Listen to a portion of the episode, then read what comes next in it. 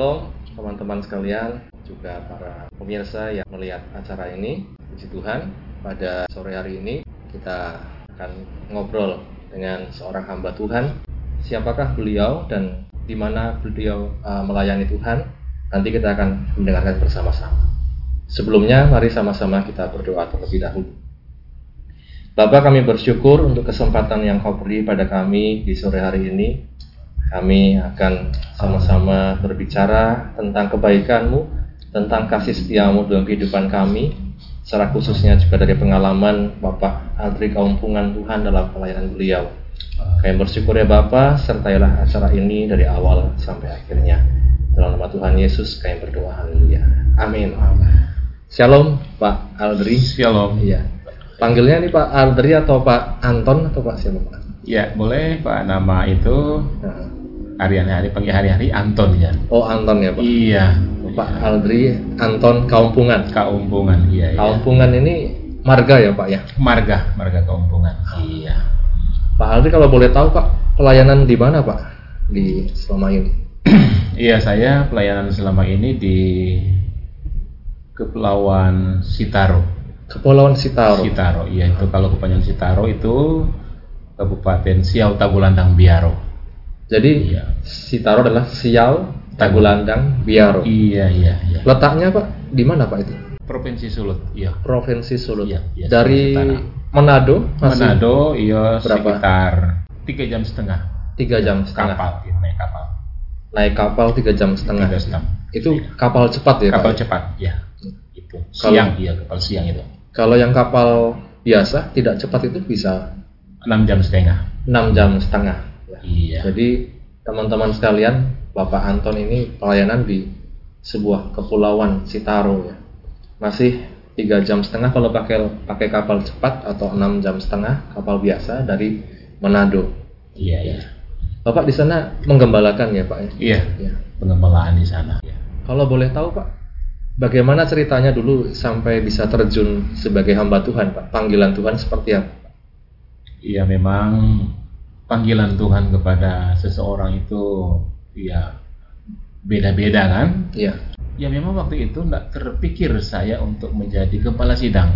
Iya, Iya, setelah saya sekolah Alkitab waktu itu saya praktek di satu sidang GP, GP, iya di Kecamatan Tombatu, tombak, iya Kabupaten Mitra, Minahasa Tenggara. Iya, Nah gitu. Selama 8 tahun saya membantu di gereja GP, gereja Pentakosta Hmm. selama ta- 8 tahun dan waktu itu saya masih single. single. Iya, belum menikah. Jadi saya digodok di situ selama 8 tahun. Sampai-sampai enggak saya enggak berpikir untuk jadi gembala. Oh, Iya. Terus selama 8 tahun saya puasa sendiri, doa semalaman sendiri. Iya.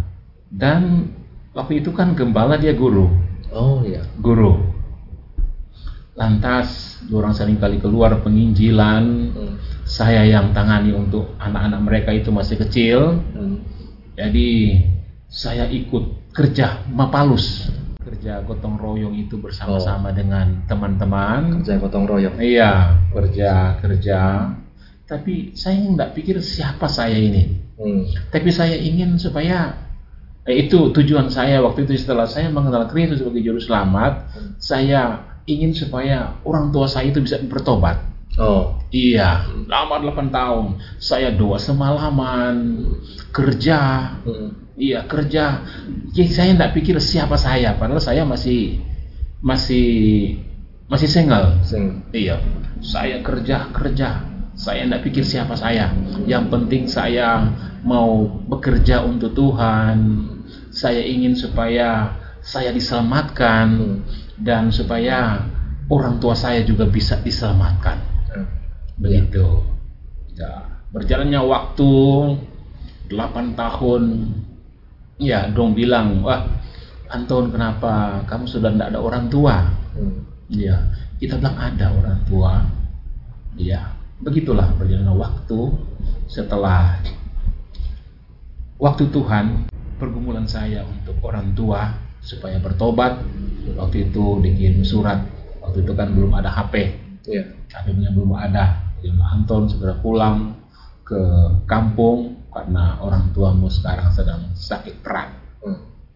Jadi cerita, saya pergi berdoa. Lantas setelah orang tua saya sembuh, sudah. Lantas saya konseling tentang firman Tuhan, harus melakukan Hmm. perintah Tuhan, Hmm. maksudnya dalam baptisan air Dibaptis ya Pak. dibaptis waktu itu. Hmm. Saya kira cuma mama saya waktu itu yang sakit lalu disembuhkan, Hmm. tapi papa saya juga Oh. langsung dibaptis. Nah, waktu itu setelah sudah dibaptis dan setelah itu di kampung saya di Binanga saya buka pos pelayanan. Oh. Iya, di Minanga. Jadi gereja yang ada di Minanga itu yang sekarang pengembalaan Pak John Lee, Oh Pak John. dulu saya yang buka. Oh. Iya. Hmm. Jadi nama gereja itu Jemaat Gereja Pantekosta Tiberias. Tiberias. Sampai sekarang kan tidak dirubah. Iya. Tetap Gereja Pantekosta Tiberias. Ya sudah. Berjalanlah waktu, saya pelayanan waktu berapa tahun itu? Kurang lebih dua tahun. Saya yang rintiskan pekerjaan Tuhan situ. Ya, langsung saya lepas, saya serahkan sama John punya mama Oh. pelayanan. Jadi lepas orang yang langsung pelayanan dan waktu itu saya sudah 22 tahun. Hmm. Ya 22 tahun. Saya ingin ya supaya saya mendapat jodoh. Oh. Iya.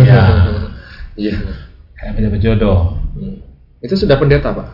Sudah, sudah pendeta. Sudah pendeta. Tapi saya berdoa. Hmm. Ya, saya berdoa.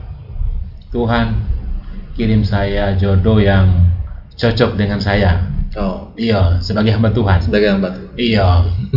Tadi saya berdoa supaya Tuhan kasih jodoh cocok dengan saya hamba Tuhan. Padahal waktu itu ada ada juga ya, belum bilang maksudnya cewek yang itu dan sama saya. Tapi saya berdoa begitu Tuhan kirim jodoh yang cocok dengan profesi saya sebagai hamba Tuhan. Ya, saya berdoa.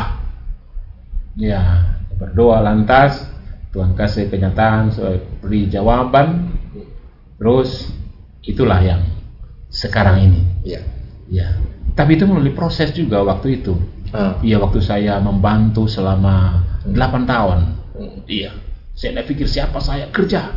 Hmm. Yang penting saya mau menabur untuk Tuhan. Itu tujuan saya. Menabur untuk Tuhan dan tujuan saya supaya saya ingin masuk surga. Itu tujuan. Ah. Iya.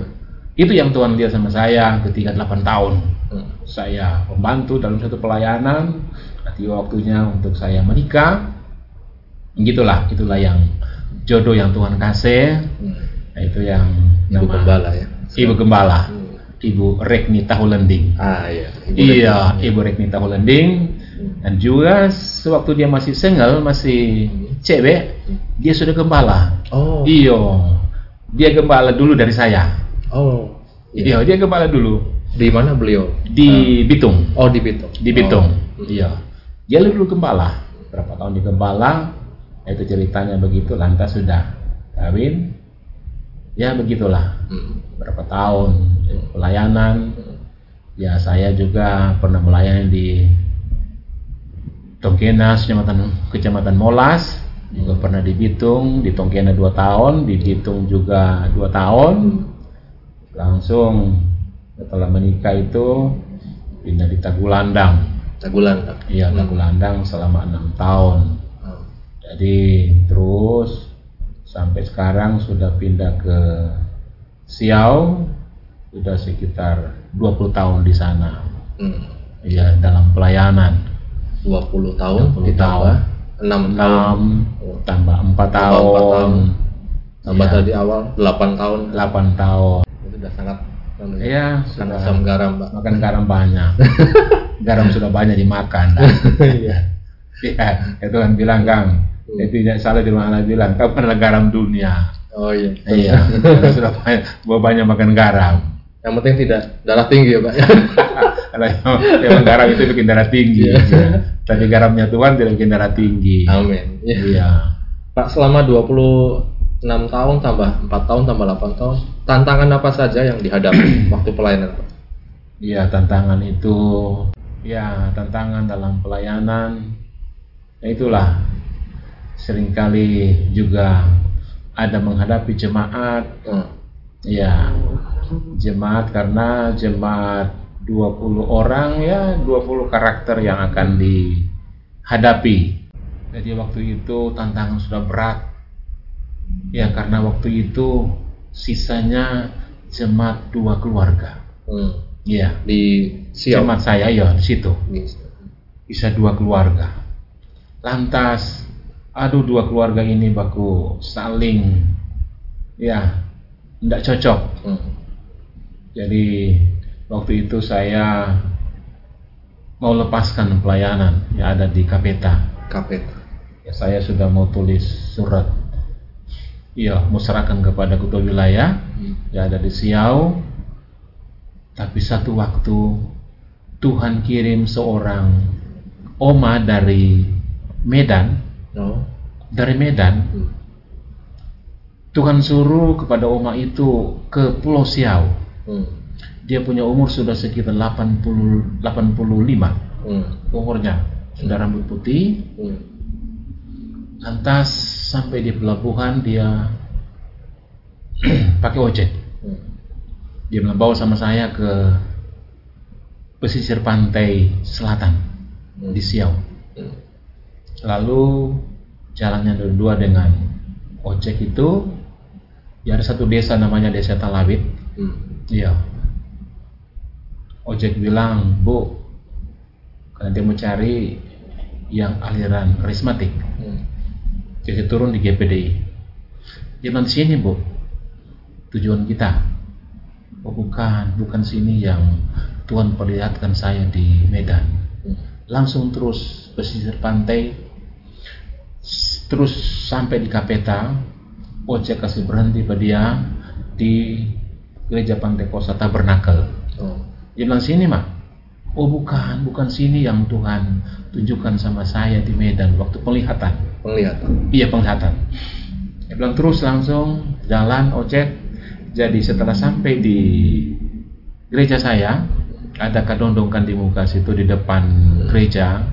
Dia bilang, ah ini yang Tuhan perlihatkan sama saya Oh. di Tempatnya Medan, Bapak. tempat saya. Hmm. Iya, ini yang waktu itu memang keadaan pikiran kacau waktu itu. Di dapur sudah habis. Hmm. Hmm. Artinya sudah dalam kekosongan. Uangnya sudah habis. Hmm. Dan memang itu Tuhan mau proses waktu itu. Hmm. Dia bilang, dia bilang shalom, shalom mak, mari masuk. Dia sudah masuk. Dia bilang, oh mak, ada perlu apa ini boleh ya, boleh apa ya, apa, apa yang Tuhan bisa bantu sama Oma. Dia bilang begini, Pak Gembala, saya diutus Tuhan dari Medan, Hmm. hanya mau menyampaikan perkataan Tuhan sama Bapak dan Ibu Oh. Tuhan bilang, jangan beralih dari tempat ini. Hmm. Waktu itu, 15 tahun lalu. Jangan beralih dari tempat ini, karena tempat ini ada kemuliaan Tuhan. Iya, ada kemuliaan Tuhan. Saya menangis waktu itu. Saya menangis. Tuhan ampuni kita. Ya, ampuni kami berdua suami istri. Minta ampun Pak Tuhan waktu berdoa. Lalu itu Oma bilang begini, sudah, saya akan kembali. Yang penting saya sudah sampaikan pesan Tuhan kepada ibu dan bapak. Hmm. Jangan beralih dari tempat ini. Hmm. Iya, Peneguhan ya Pak. peneguhan untuk saya waktu itu. Nah setelah dia sudah permisi semua pulang, dia sampai di ujung ujung desa, dia ulang balik. Kalau begini, Pak begini Pak, perpuluhan yang saya bawa ini Tuhan bilang taruh di sini. Hmm. Waktu itu 800 ribu. Hmm. Iya. Karena waktu itu sudah kosong kan, dapur sudah ada, duitnya sudah habis, beratnya sudah habis. Hmm. Jadi bilang Tuhan bilang uang ini dikasih tinggal di sini, 800 ribu waktu itu. Hmm. Jadi puji Tuhan, setelah itu saya dengar suara Tuhan. Tuhan utus sama Oma ini karena memang waktu itu gereja masih gereja semi permanen. Iya. Iya. Dia bilang, jangan beralih dari tempat ini karena tempat ini ada kemuliaan Tuhan. Yang berjalan ada waktu dua tahun kemudian dapat mendirikan gereja. Situ. Iya. 8 kali 16 meter kayak gitu. Sekarang sedang ya sudah waktu peresmian tahun 2012. Oh, Ya. Bupati hadir. Sekarang sementara iya dikerjakan pastori. Oh, iya. Ya, sekitar mungkin so 30 persen. Sekarang jemaat Jemaat Pak? sekarang sudah bertambah. Hmm. Dulu cuma dua, Iya. sekarang sudah 22 keluarga. Puji Tuhan, teman-teman sekalian. Iya. Yang Peneguhan, pertolongan Tuhan, jaminan dari Tuhan itu memang nyata ya Pak ya. Iya luar biasa. Luar biasa. Iya. Bagi hamba Tuhan di kepulauan juga. Kepulauan Dari kalau kita bayangkan dari Medan kok bisa-bisanya dari Medan sampai kepulauan Sampai hanya untuk kepulauan. menemui Bapak. untuk peneguhan sama saya. Luar biasa. Luar biasa. Hmm. Bayangkan kalau misalnya cuma dari satu desa Hmm. tetangga Hmm. itu masih tapi ini Masuk dari akal. Medan, Iya. dari Medan Tuhan kasih dia sama dia Hmm. gereja saya Hmm. dari situ ada pohon kadondong Jelas sekali ya Pak. jelas Itulah bukti nyata teman-teman memang panggilan seorang hamba Tuhan ya Pak. iya panggilan seorang hamba Tuhan yang memang Tuhan sudah Hmm. persiapkan dulu Hmm. kata firman Allah kan sejak dari kandungan Betul. Tuhan sudah membentuk sudah sudah pilih Hmm. nanti tunggu waktunya Tuhan Iya, betul. iya Hmm. memang akan melalui proses itu Hmm. iya ketika orang melalui proses yang berat Hmm. maka Tuhan akan terima apa yang orang tabur untuk Iya. Tuhan Hmm. selama bertahun-tahun orang tabur Hmm. sama seperti Tuhan mau tanam kelapa Hmm. tidak mungkin ditanam kelapa waktu itu ikut berbuah Iya. langsung dia menunggu sampai 5-7 tahun Hmm. lalu dia berbuah Iya. Nah ini teman-teman pesan penting ya dari Pak Anton buat kita sekalian. Eh, Pak, mungkin ini ada teman-teman yang ragu dengan masa depannya, ragu ke depannya mau seperti apa, mau jadi apa. Ada pesan-pesan Pak dari Firman Tuhan mungkin untuk mereka. Iya puji Tuhan karena saya sudah mengalami pengalaman sejak saya juga semua orang asal juga dari muda kan Hmm. Iya. Ya kata firman Tuhan bahwa ketika orang cari kerajaan Allah serta kebenaran, Ah itu. Hmm. maka dia bilang segala sesuatu akan ditampakkan kepadamu. Hmm. Iya. Asal yang terutama bagi anak muda, Hmm. cari dulu kerajaan Allah, Iya. cari Tuhan. Hmm. Maka sekaliannya itu akan ditambahkan kepadamu Hmm. masa depan, Hmm. jodoh, Iya. apa semua disiapkan oleh Tuhan.